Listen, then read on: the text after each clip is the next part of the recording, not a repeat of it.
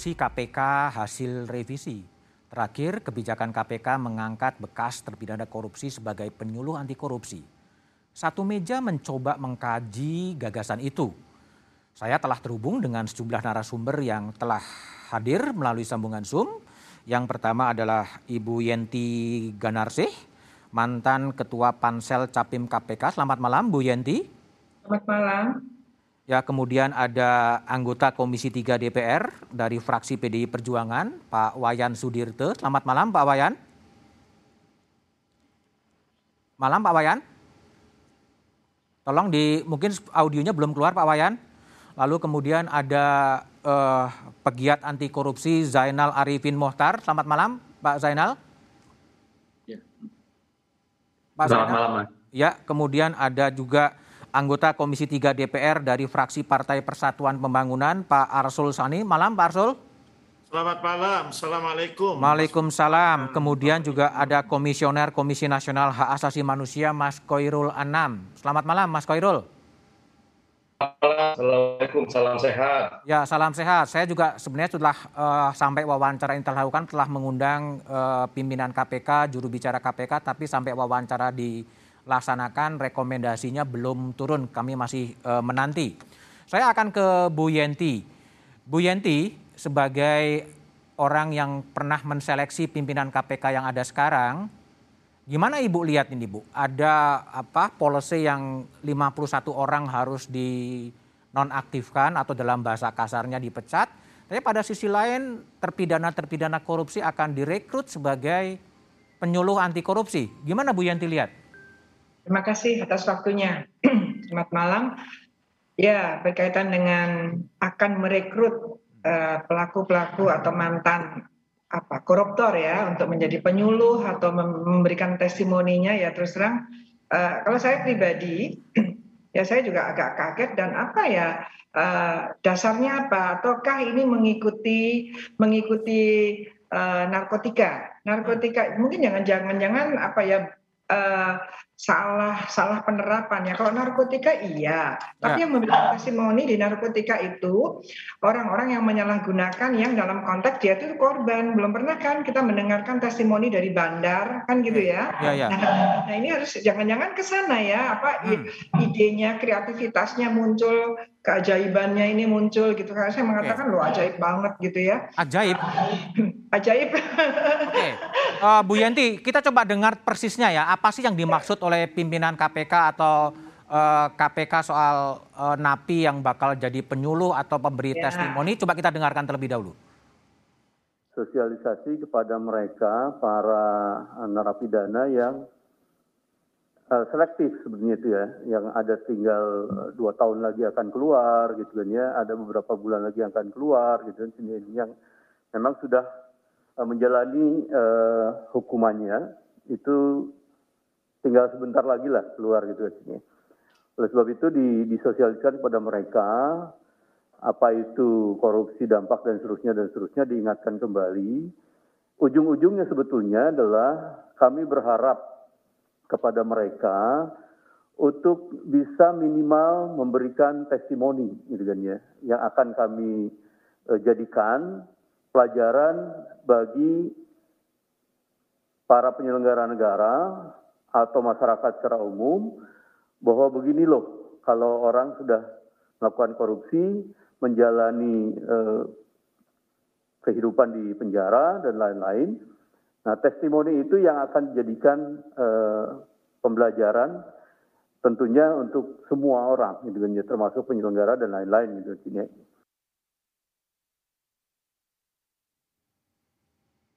Oke, itulah penjelasan dari KPK. Bu Yanti, ya. waktu Ibu menseleksi, memang ya. ada apa gagasan atau yang disampaikan oleh para calon pimpinan itu akan merekrut ya. terpidana korupsi untuk memberikan testimoni dan penyuluh anti korupsi itu gimana Bu?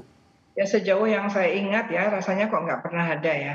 Kalaupun ada, ada nggak pernah. Kalaupun ada saya pasti akan mendalami apa sih maksudnya. Hmm. Karena gini, kalau seperti contohnya narkotika tadi kan korban ya, korban karena pengguna itu adalah korban. hmm. penyalahguna. Nah, kalau mau testimoni berkaitan dengan jangan korupsi nantinya, korupsi itu begini-begini, harusnya kan yang bicara korban. Korban itu adalah ya rakyat yang menderita gara-gara adanya korupsi gitu ya. Dan lagi ya, kalau mereka yang dalam apa masa-masa yang sebentar lagi keluar, mungkin sudah masa-masa apa ya, yang di sana kan ada tahapan-tahapannya. Nah itu kan kita tahu ya secara kriminologi ya kriminologi itu banyak juga koruptor-koruptor itu yang mengulangi lagi gitu ya. Jadi bagaimana mungkin uh, kita yakin bahwa mereka tidak akan dan dan mereka jangan disamakan. Apa, apa ide ini disamakan seolah-olah kita ide dalam uh, combating narkotics gitu agak berbeda. Jadi kita tidak bisa dan mungkin juga salah orang kalau mau testimoni ya testimoni masyarakat atau ya kita lihat saja eh, keluarga mereka bagaimana. Tapi bukan terus mereka jadi penyuluh. Ini artinya apa? Nanti malah jangan-jangan kita kan sebetulnya ingin juga walaupun pidana sudah dijatuhkan mereka tuh siming ya apa eh, malunya tuh ada gitu ini kan malah jadi dapat panggung lagi uh, boleh misalnya waktu itu ada Pak Asrul Sani boleh mencalonkan itu rasanya kok nggak malu gitu ya kok malah undang-undang juga me memberikan fasilitas untuk mereka tampil lagi gitu ya Bu Yanti, Bu Yanti kalau ya. Bu Yanti kalau lihat sampai sekarang banyak kontroversi-kontroversi yang muncul Ibu ya. sebagai ketua pansel kecewa gitu Oh ya banyak yang kecewa lah, antara lain misalnya. Kecewa salah pilih gitu? Jala, jala, bukan salah pilih. Uh, misalnya TPPU tidak pernah ada, itu okay. aneh sekali gitu ya. Hmm. Itu kan aneh sekali gitu ya. Sudah gitu, uh, misalnya gelar perkara yang undang, misalnya kenapa tidak ada TPPU? Undang saya saja nggak pernah gitu kan, yang okay yang diundang kelihatannya ya akhirnya diputuskan bahwa tidak ada TPPU-nya padahal okay. saya banyak ada TPPU. Ya baik baik Bu Yanti saya pindah ke Zainal Arifin Muhtar. Ya, Bung. Zainal, jadi ini apa yang Anda lihat ada terobosan baru ya uh, ya terpidana korupsi direkrut aja sebagai pemberi testimoni. Anda lihat sebuah terobosan yang kreatif atau gimana, Bung Uceng? Iya, uh, saya pikir kalau saya pinjam kata Bu Yenti tadi, keajaiban ini kan sebenarnya tidak berdiri sendiri. Hmm? Keajaiban ini sudah ajaib semenjak uh, eh, KPK diubah formatnya, lalu kemudian uh, sebuah seleksi yang kemudian mendapatkan komisioner yang uh, saya juluki sebagai komisioner abal-abal. Abal-abal. Kenapa? Karena sebenarnya uh, kita bisa, iya kita bisa lihat sebenarnya bagaimana kemudian KPK eh, dengan undang-undang yang baru dan komisioner yang baru itu dibawa ke arah yang bertentangan dengan pemberantasan korupsi, hmm. ke arah yang berbeda dari uh, apa konsep pemberantasan korupsi yang kita bayangkan. Sehingga memang bisa kita lihat bahwa KPK sekarang itu adalah bukan KPK yang kita inginkan. Okay. Bisa jadi yang diinginkan oleh politisi bukan yang diinginkan oleh publik. Okay. Tetapi apa pun itu sampai sekarang menurut saya ide-ide yang tadi dikatakan ajaib, lalu kemudian uh, berbagai tindakan termasuk uh, apa uh, kontroversi TWK dan kontroversi-kontroversi lainnya sebenarnya lahir dari menurut saya ya lahir dari cara pandang awal ketika korupsi tidak lagi dianggap sebagai sebuah kejahatan serius. Oke. Okay. Negara melihat korupsi tidak lagi menjadi sebuah kejahatan serius sehingga membangun pemberantasan korupsinya dibangun biasa-biasa saja, mengisi orangnya dengan orang-orang yang biasa saja, sehingga apa kemudian ya pemberantasan korupsi masuk ke jalur lambat dan kemudian nyaris mati. Oke, baik. Saya ke Pak Arsul Sani. Pak Arsul, ya. jadi sebagai uh, anggota Komisi 3 yang ikut merekrut, ya, merekrut pimpinan KPK yang sekarang, gimana melihat terobosan ya, kalau bisa disebut terobosan terpidana korupsi menjadi semacam penyuluh pemberi testimoni soal bahaya korupsi? Ya, barangkali kalau dari sisi ilmu manajemen, itulah yang disebut sebagai thinking and moving out of the box. Oh, ya. out of the box atau without the box? moving out of the box itu dalam arti positif atau negatif, ya tentu apa uh, baru bisa kita lihat setelah ada hasilnya. Oke. Okay.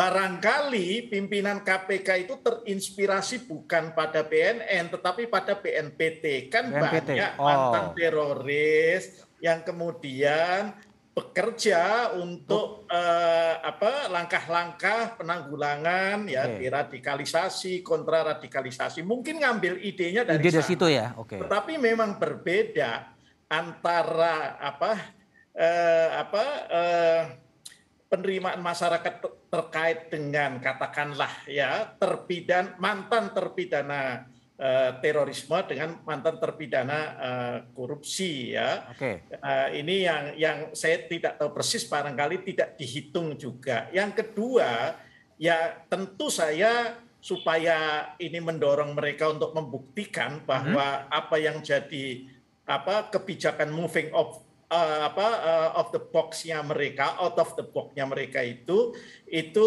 uh, apa tidak sia-sia. Hmm? Saya ingin mengingatkan siapa yang mau direkrut karena ah. kan rata-rata terpidana korupsi yang dari KPK itu kan marah. Karena apa? Kenapa marah? Karena kan kalau minta justice kolaborator tidak diberikan. Berikan. Jadi saya sebetulnya kalau dari sisi apa uh, keraguan saya meragukan ini meragukan. akan berhasil hmm. ya ya akan berhasil dan tentu ini nanti kami akan dalami sebab kalau hanya mendengarkan keterangan penjelasan dari uh, apa KPK yang tadi ditampilkan itu kan apa belum tuntas masih banyak hal yang Oke. saya kira kami nanti harus dalam. Oke baik Pak Wayan Sudata Pak Wayan jadi uh, Bapak uh, setuju dengan direkrutnya terpidana korupsi sebagai penyuluh atau sebagai pemberi testimoni soal korupsi? Kalau penyuluh tidak, sebagai testimoni sangat setuju. Oke, gimana itu Pak? Alasannya, pertama, KPK melalui juru bicaranya mengatakan ini hanya untuk testimoni. Oke. Jangan sampai ke penyuluhan. Hah? Lalu siapa saja yang boleh melakukan testimoni. Oke. Okay. Ini harus super super ketat hmm. agar pertanyaan, kecurigaan dan penentangan terhadap program testimoni ini bisa berkurang atau berhenti.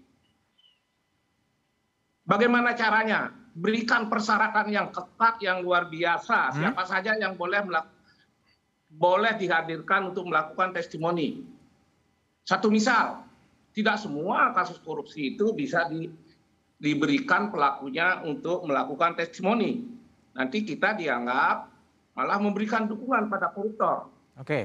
Tapi kan kalau diberikan persyarat, persyaratan yang boleh melakukan testimoni adalah orang yang melakukan korupsi karena tekanan, oh. karena korupsi, karena bawahan yang dipaksa. Oke. Okay. Jangan kaget. Kebetulan oh. saya ambil jurusan pidana pada waktu S1, Pak. Jadi pada intinya kalau direkrut sebagai pemberi testimoni oke okay ya Pak Wayan ya? Ya setuju karena setuju ya? sekali lagi syarat kedua ini orang ini harus sadar Pak. Sadar ya? Sadar. Jadi ASN nggak Pak? Secara gamblang pola-pola yang melibatkan mereka nggak okay. boleh sembarangan. Hmm. Dia harus buka Oke, baik, Kali baik. Lagi dia melakukan itu dalam keadaan ketidakberdayaan. Ketidakberdayaan ya, secara nggak sadar gitu ya. Pernah. Dan yang lebih penting lagi, dia melakukan tobat. Tobat, Orang baik. seperti ini adalah potensial. Oke, baik, baik Pak Wayan. Saya pindah ke Mas Koirul Anam. Mas Koirul Anam dari Komnas HAM ini kan KPK ini kan terus mengeluarkan apa ya kebijakan-kebijakan yang dinilai publik ya, dinilai publik itu agak kontroversial ya sampai polemik TPK, TWK yang juga belum selesai, lalu kemudian Mas Anda memberikan rekomendasi ada apa pelanggaran hak asasi manusia. Apa sih sebenarnya temuan-temuan dari Komnas HAM soal proses TWK ini? Tapi jawaban Mas Anam setelah jeda berikut ini.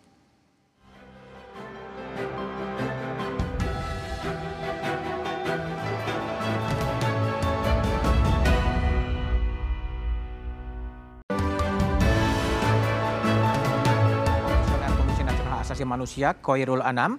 Mas Anam, ini rekomendasi dari Komnas HAM berkait dengan TWK sudah dikirim ke Presiden. Kenapa ke Presiden?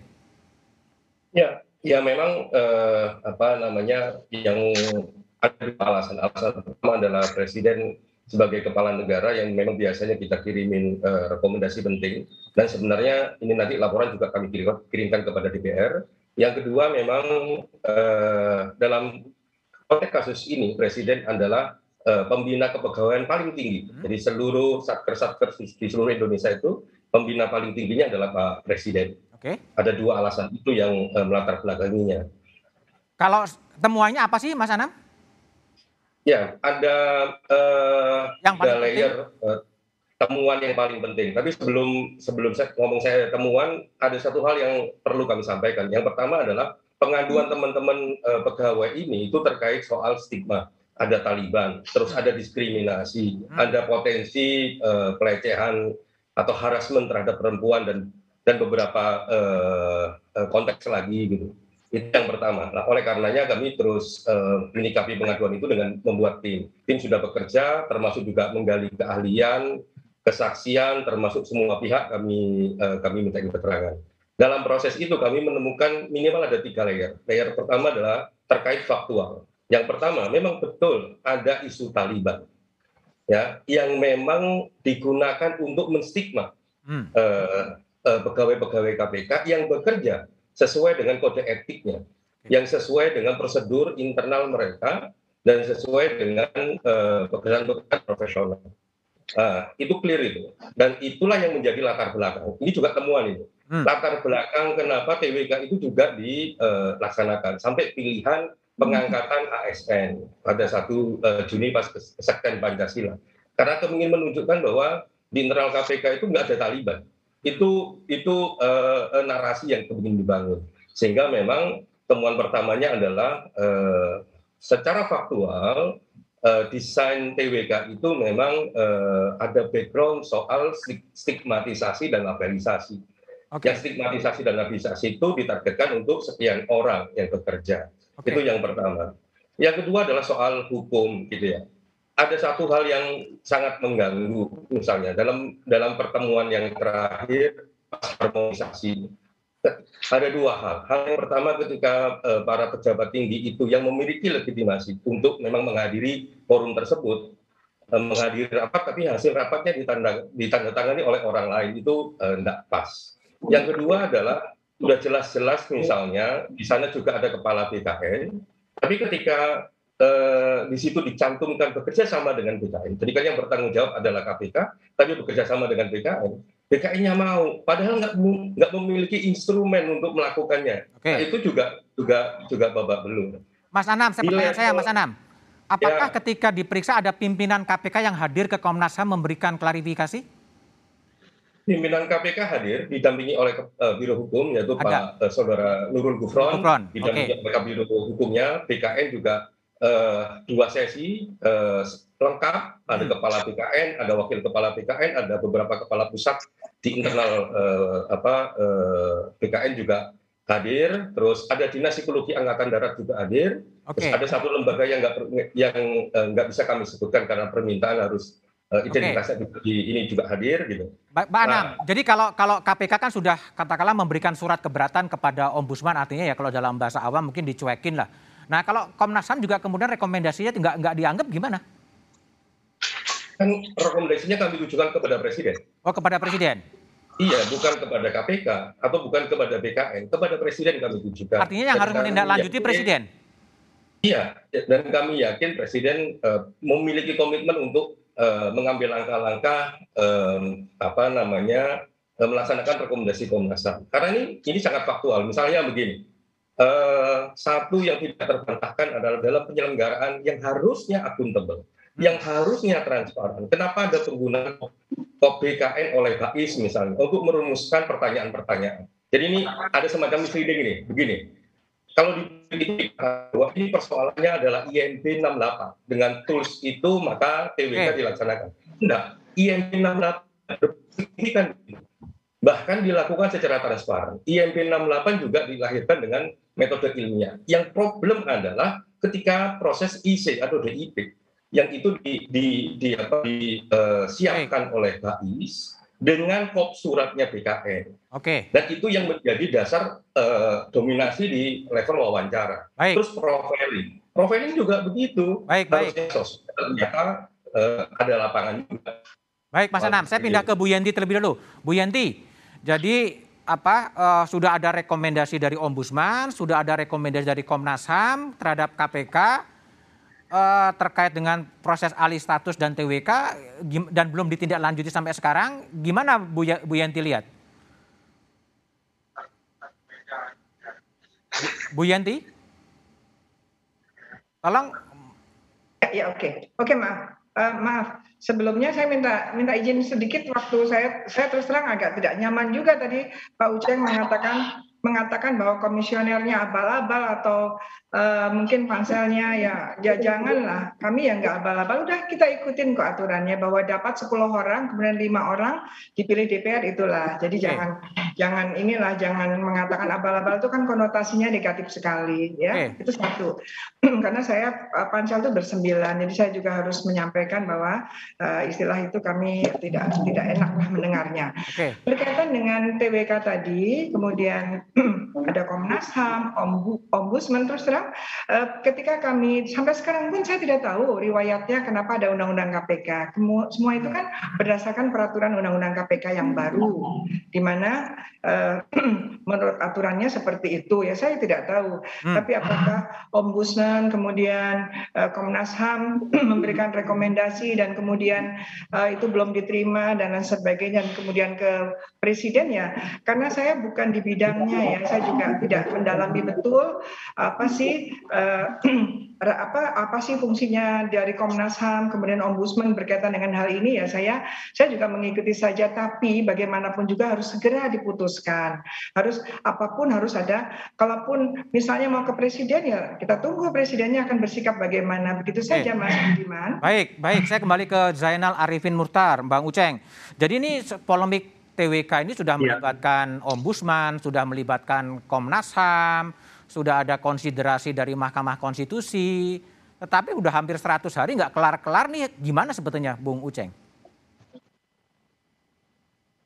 Iya, yang pertama uh, tadi saya mengatakan, saya harus menjawab tadi yang saya katakan sebagai abal-abal itu adalah dalam konteks kita harapkan dia menjadi pemimpin pemberantasan korupsi, tapi kemudian dia bertindak sebaliknya sebenarnya. Hmm. Ya, jadi yang diharapkan kita cari yang asli, yang melakukan upaya pemberantasan korupsi, tapi yang kita dapatkan kemudian adalah orang yang bertindak kontroversi dan bertindak sebaliknya dari okay. pemberantasan korupsi yang dihadapi yang kita bayangkan. Ya. Itu yang pertama. Yang kedua, kalau kita mau bicara soal kasus ini, sebenarnya kasus ini harusnya lebih sederhana. Andai kata ada ada pemahaman dan penerimaan terhadap uh, sebuah konteks negara hukum yang kita bayangkan. Hmm. Bagaimana konteks hukum yang kita bayangkan? Kalau bicara ombudsman, ombudsman jadi sebuah lembaga yang kita percayai untuk melihat ada atau tidak maladministrasi yang dilakukan. Dan dalam konteks temuan ombudsman sebenarnya sudah sangat sederhana dan sangat jelas bahwa dalam proses uh, uh, penyusunan uh, proses TWK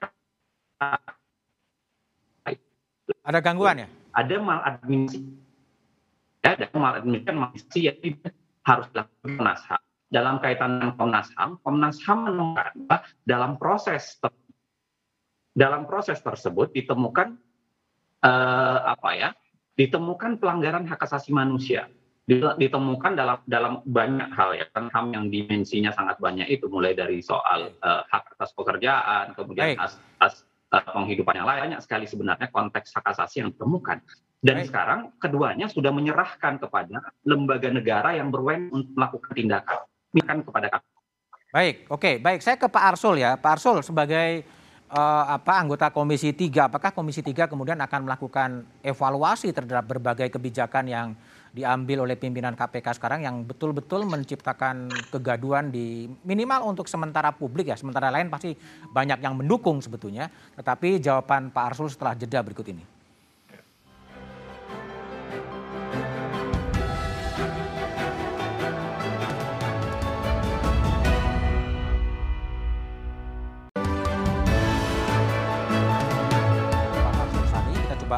Lihat bagaimana berbagai kebijakan-kebijakan yang memicu kontroversi di KPK yang baru. Oktober 2020 ini ada rencana pengadaan mobil dinas untuk para pejabat struktural KPK ya. Itu lalu kemudian 27 Januari 2021 ada tes wawasan kebangsaan jadi syarat alih status ASN pegawai KPK sesuai dengan peraturan KPK nomor 1 tahun 2021. Kemudian 25 Mei 2021 memberhentikan 51 pegawai yang tidak lolos tes wawasan kebangsaan, menonaktifkan ya sebenarnya tepat. Oke, lanjut. Lalu kemudian 30 Juli 2021 ada juga perubahan aturan perjalanan dinas pegawai KPK boleh dibiayai oleh pengundang. Ini peraturan pimpinan nomor 6 tahun 2021. Lalu kemudian 20 Agustus 2021 akan mengandeng napi korupsi dalam penyuluhan anti korupsi, memberikan testimoni atau memberikan cerita soal bagaimana hidup di penjara. Lanjut.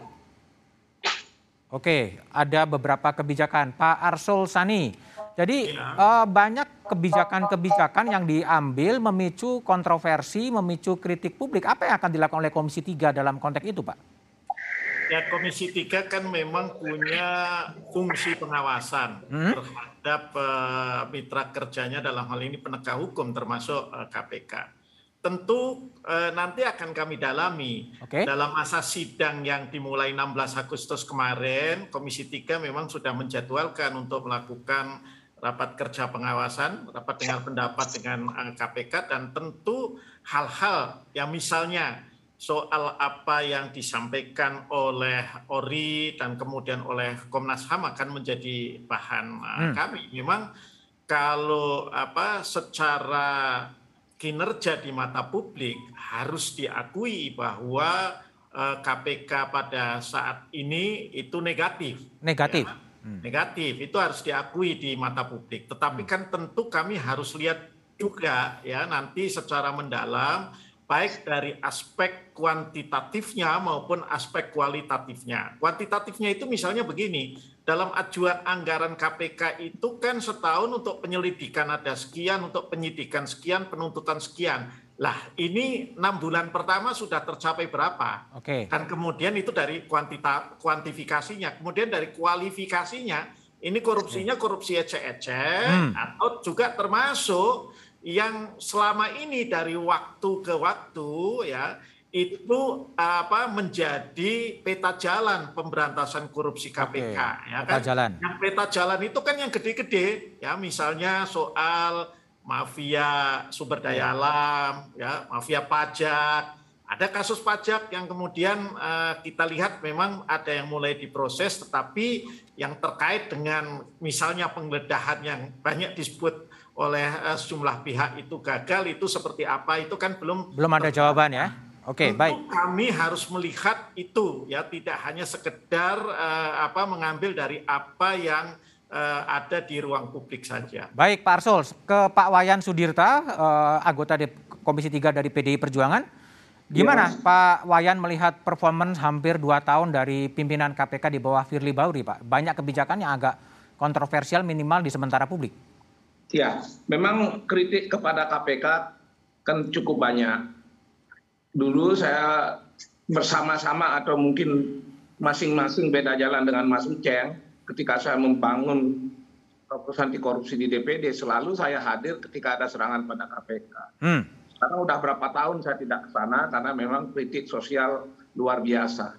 Tapi untuk kali ini karena bau-bau eh, program testimoni ini mengarah kepada manfaat pencegahan, saya harus berani mengatakan bahwa saya beda pendapat dengan beberapa teman okay. karena asumsinya juga berbeda karena saya pikir kalau seorang yang terseleksi dan melakukan itu karena terpaksa dan tekanan lalu dia bercerita tentang pahitnya, liku-likunya dan sebagainya keluarganya malu dan sebagainya yang dialami selama melakukan korupsi ini, selama proses ini.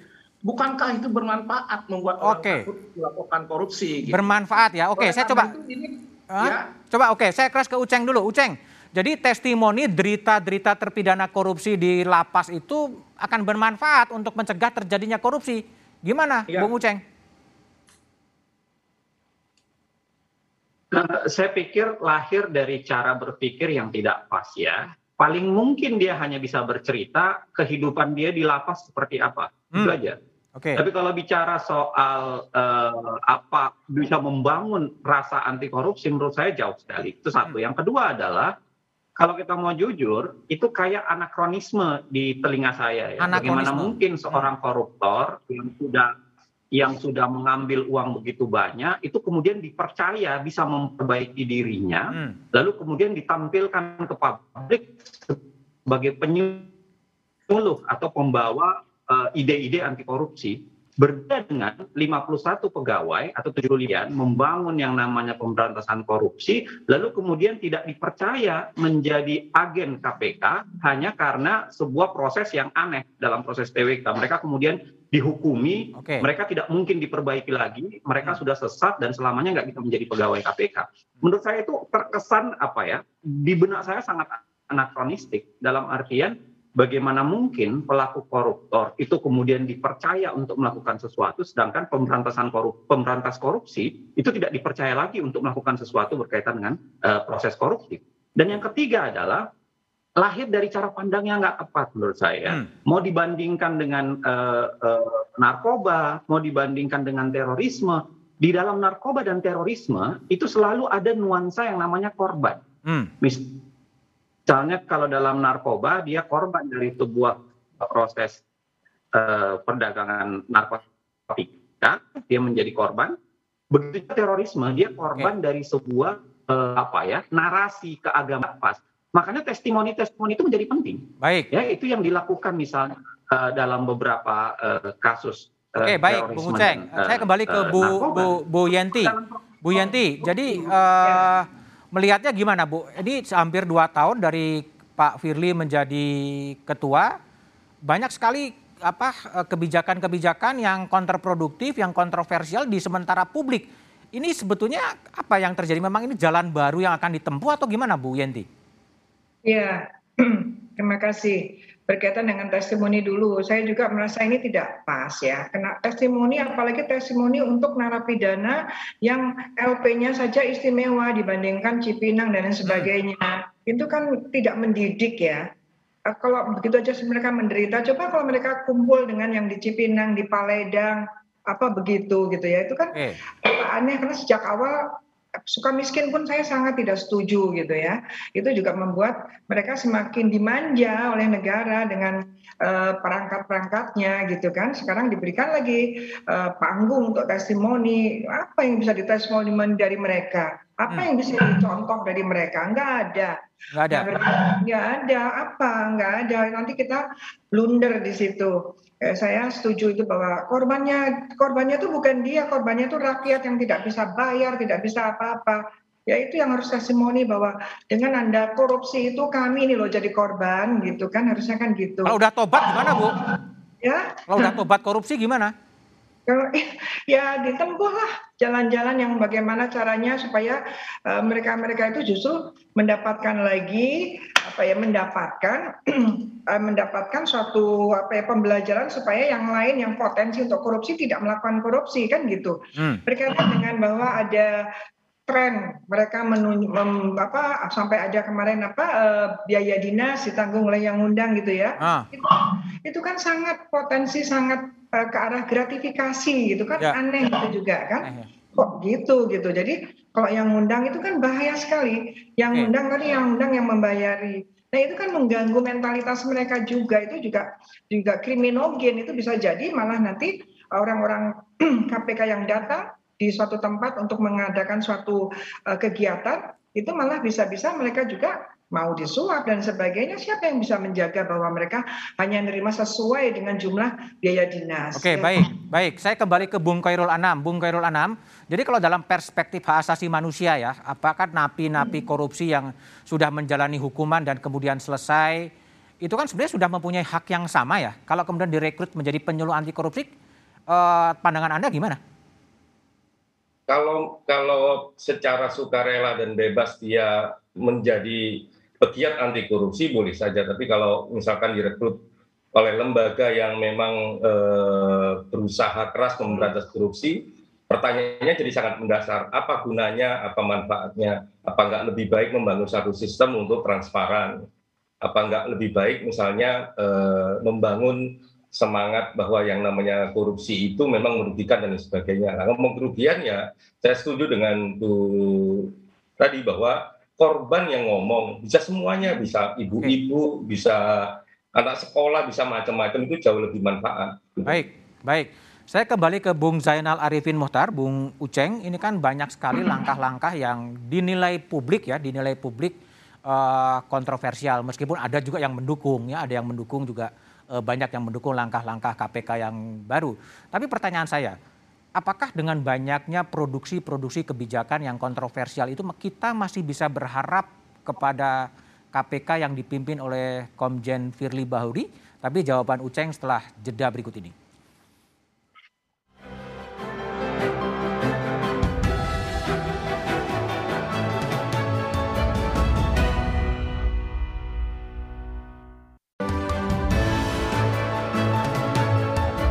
Zainal Arifin Muhtar.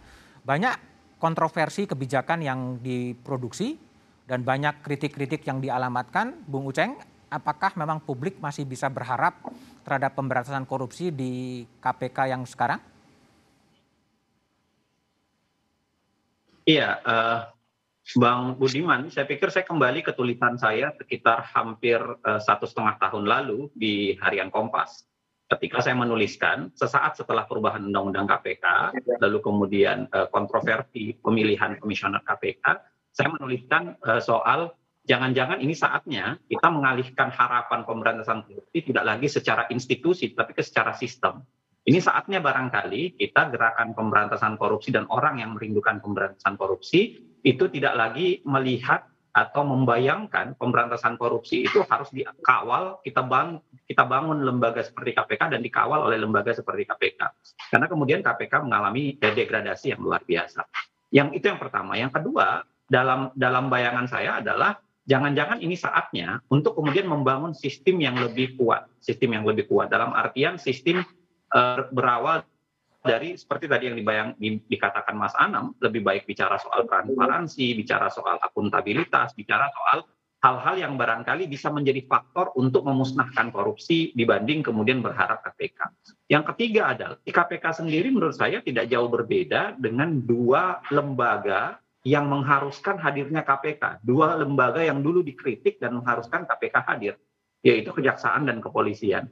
Tubuh KPK menurut saya nyaris tidak banyak beda lagi dengan Kejaksaan dan Kepolisian. Karena itulah saya mengatakan bahwa ini mungkin ini saatnya ya untuk mengurangi peran KPK atau tidak lagi menaruh harapan besar kepada KPK, tapi lebih pada bangunan-bangunan sistem. Nah, bangunan sistem ini yang mungkin harus kita bicarakan secara detail. Okay. Bagaimana misalnya dalam uh, dalam kepegawaian kita memberikan porsi kepada ombudsman secara berlebih. Oke, baik. Bagaimana misalnya okay. dalam hal lain kita baik, baik, Bung Uceng. secara berlebih. Ya. Bagaimana dalam Oke, baik. Saya ke Pak Arsul Sani. Pak Arsul, ya. jadi apa yang harus dilakukan oleh pimpinan KPK sekarang ketika hampir semua kebijakan-kebijakannya kontroversi dan memancing kritik publik? Ya, memang tidak bisa uh, terhindarkan ya bahwa beban sosiologis pimpinan KPK saat ini ini paling tinggi dalam sejarah uh, eh, KPK ya. Karena itu menurut saya ya memang harus lebih terbuka hmm. ya untuk mendengarkan. Jadi pimpinan KPK itu perlu memberi ruang pada dirinya sendiri, pada lembaganya untuk mendengarkan, okay. bukan untuk didengarkan. Hmm. Ya. Jadi bukan untuk didengar, ya, tetapi untuk mendengarkan dalam konteks mendengar itulah maka menyikapi dengan bijak apa yang merupakan laporan hasil uh, pemeriksaannya ORI okay. ya kemudian juga yang di apa hasil dari uh, Komnas HAM saya kira itu harus uh, terbuka hmm. jangan berdebat seperti litigan ya. pihak ya. yang sedang berperkara di uh, pengadilan karena itu akan menimbulkan jawab-menjawab baru dan itu secara sosial tidak menguntungkan sebetulnya bagi teman-teman yang ada uh, Baik. Apa, di KPK sebagai pimpinan. Baik, Pak Arsul, Pak Wayan Sudirte, jadi saran ya, Pak Wayan, saran Pak uh, Wayan apa terhadap KPK sekarang? Ya, uh, jika memang untuk agenda testimoni bagi pelaku korupsi ini tetap jalan, syaratnya harus ketat. Oke. Okay. Yang paling utama adalah ya pelaku itu adalah korban sendiri karena dalam keadaan terpaksa karena sebagai bawahan. Itu satu. Yang kedua, terobosan pencegahan harus terus dilakukan. Oke. Karena tanpa pencegahan korupsi ini tidak akan hilang. Itu saja. Oke, baik. Bu Yenti, Bu Yenti, jadi ya, uh, pertanyaan saya sama ke ya. pertanyaan Bung Uceng tadi, kita masih bisa berharap kepada KPK yang ada sekarang, Bu? Ya gini, uh, kita berharap untuk pemberantasan korupsi di Indonesia itu kan ada tiga lembaga ya tiga lembaga kita kita kuatkan semuanya misalnya terus terang aja misalnya tentang TPPU itu kejaksaan jauh lebih unggul lah ya lebih berani tapi kan permasalahannya juga di dalam permasalahan pemberantasan itu juga ada masalah di yudikatifnya dan sebagainya. Legislatif pun demikian. Kalau tadi Mas Uceng mengatakan pembangunan sistem, ya kan? Pembangunan sistem itu juga menimbulkan korupsi-korupsi baru misalnya uh, pemilu dan sebagainya me, apa uh, apa penyumbang penyumbangan untuk uh, apa demokrasi ya pesta demokrasi dan sebagainya itu harus dicek juga gitu kan itu semuanya. Dan mungkin juga Pak uh, Pak Asol Sani saya sih berpikir boleh nggak sih kalau pemilihan komisioner KPK itu nggak usah lagi melibatkan DPR lah gitu. Karena itu itu itu menurut saya kok apa ya itu saya merasakan ada sesuatu mungkin Mas lebih tahu itu karena dari tata negara ya itu juga mungkin. Jadi semua sistem dilihat gitu dan dan sudah nggak apa-apa nggak usah terlalu berharap kepada KPK ya nggak apa-apa kan masih ada dua lembaga yang lain. Dan KPK juga harus mendengarkan dan kemudian ini juga untuk presiden lebih baik presiden juga me, apa, me, menyemangati kembali ya membangun membangun uh, semangat penguatan pemberantasan korupsi dipimpin langsung aja. Presiden harus kuatkan gitu kan. Gimana pun juga dulu pansel itu adalah kepanjang tanganan presiden gitu. Kalau ini berkaitan dengan KPK-nya tapi berkaitan dengan korupsi di Indonesia ini itu adalah semua sistem. Ini sistem bisa potensi melakukan korupsi termasuk yudikatif, legislatif dan eksekutif itu sendiri. Baik, oke okay, Bu Yanti, saya kembali ke Bung Kairul Anam uh, yang terakhir Bu Bung Anam. Jadi ya. uh, apa sih saran Anda yang paling apa praksis ya agar kepercayaan publik kepada KPK itu uh, bisa kembali uh, normal dan pemberantasan korupsi jalan lagi? Saran Anda sebagai sesama komisioner gimana? Yang pertama adalah memang kerja independen, kerja profesional, Terus persis seperti yang dikatakan oleh Pak Arsul, mendengarkan semua pihak, jangan ngomong terus gitu ya, mendengarkan apa yang baik yang dilakukan, terus terbuka secara evaluatif gitu. Kalau ada masukan, ada kritikan, ya evaluasi gitu. Nah, yang paling juga penting memberantas korupsi itu menata sistem. Hmm. Menata sistem uh, semuanya harus akuntabel, harus transparan. Itu gitu. Itu yang harus didorong gitu. Dan kalau itu bisa didorong, saya yakin uh, publik itu akan memberikan dukungan yang penuh terhadap uh, eh, KPK. Karena yang dibentuk uh, sistem, yang dibentuk akuntabilitas, profesionalitas, independensi, dan terutama memang ya menjaga marwah dari kelembagaan negara. Oke, baik. Pak Anam, makasih. Bu Yenti, Pak Wayan, Pak Arsul, Bu Uceng, terima kasih semuanya telah bergabung di satu meja di forum. Terima kasih. Kebijakan kebijakan kontroversi KPK hasil revisi mempertontonkan bagaimana KPK sedang menghadapi disorientasi dalam perang melawan korupsi. Kebijakan mengangkat ex terpidana korupsi sebagai penyuluh dalam tanda petik anti korupsi kian menunjukkan absurditas kebijakan pimpinan KPK. KPK berada di simpang jalan. Demikian satu meja di forum malam ini. Jangan lupa dengan protokol kesehatan, menggunakan masker, hindari kerumunan, cuci tangan, dan ikuti program vaksinasi. Selamat malam dan terima kasih.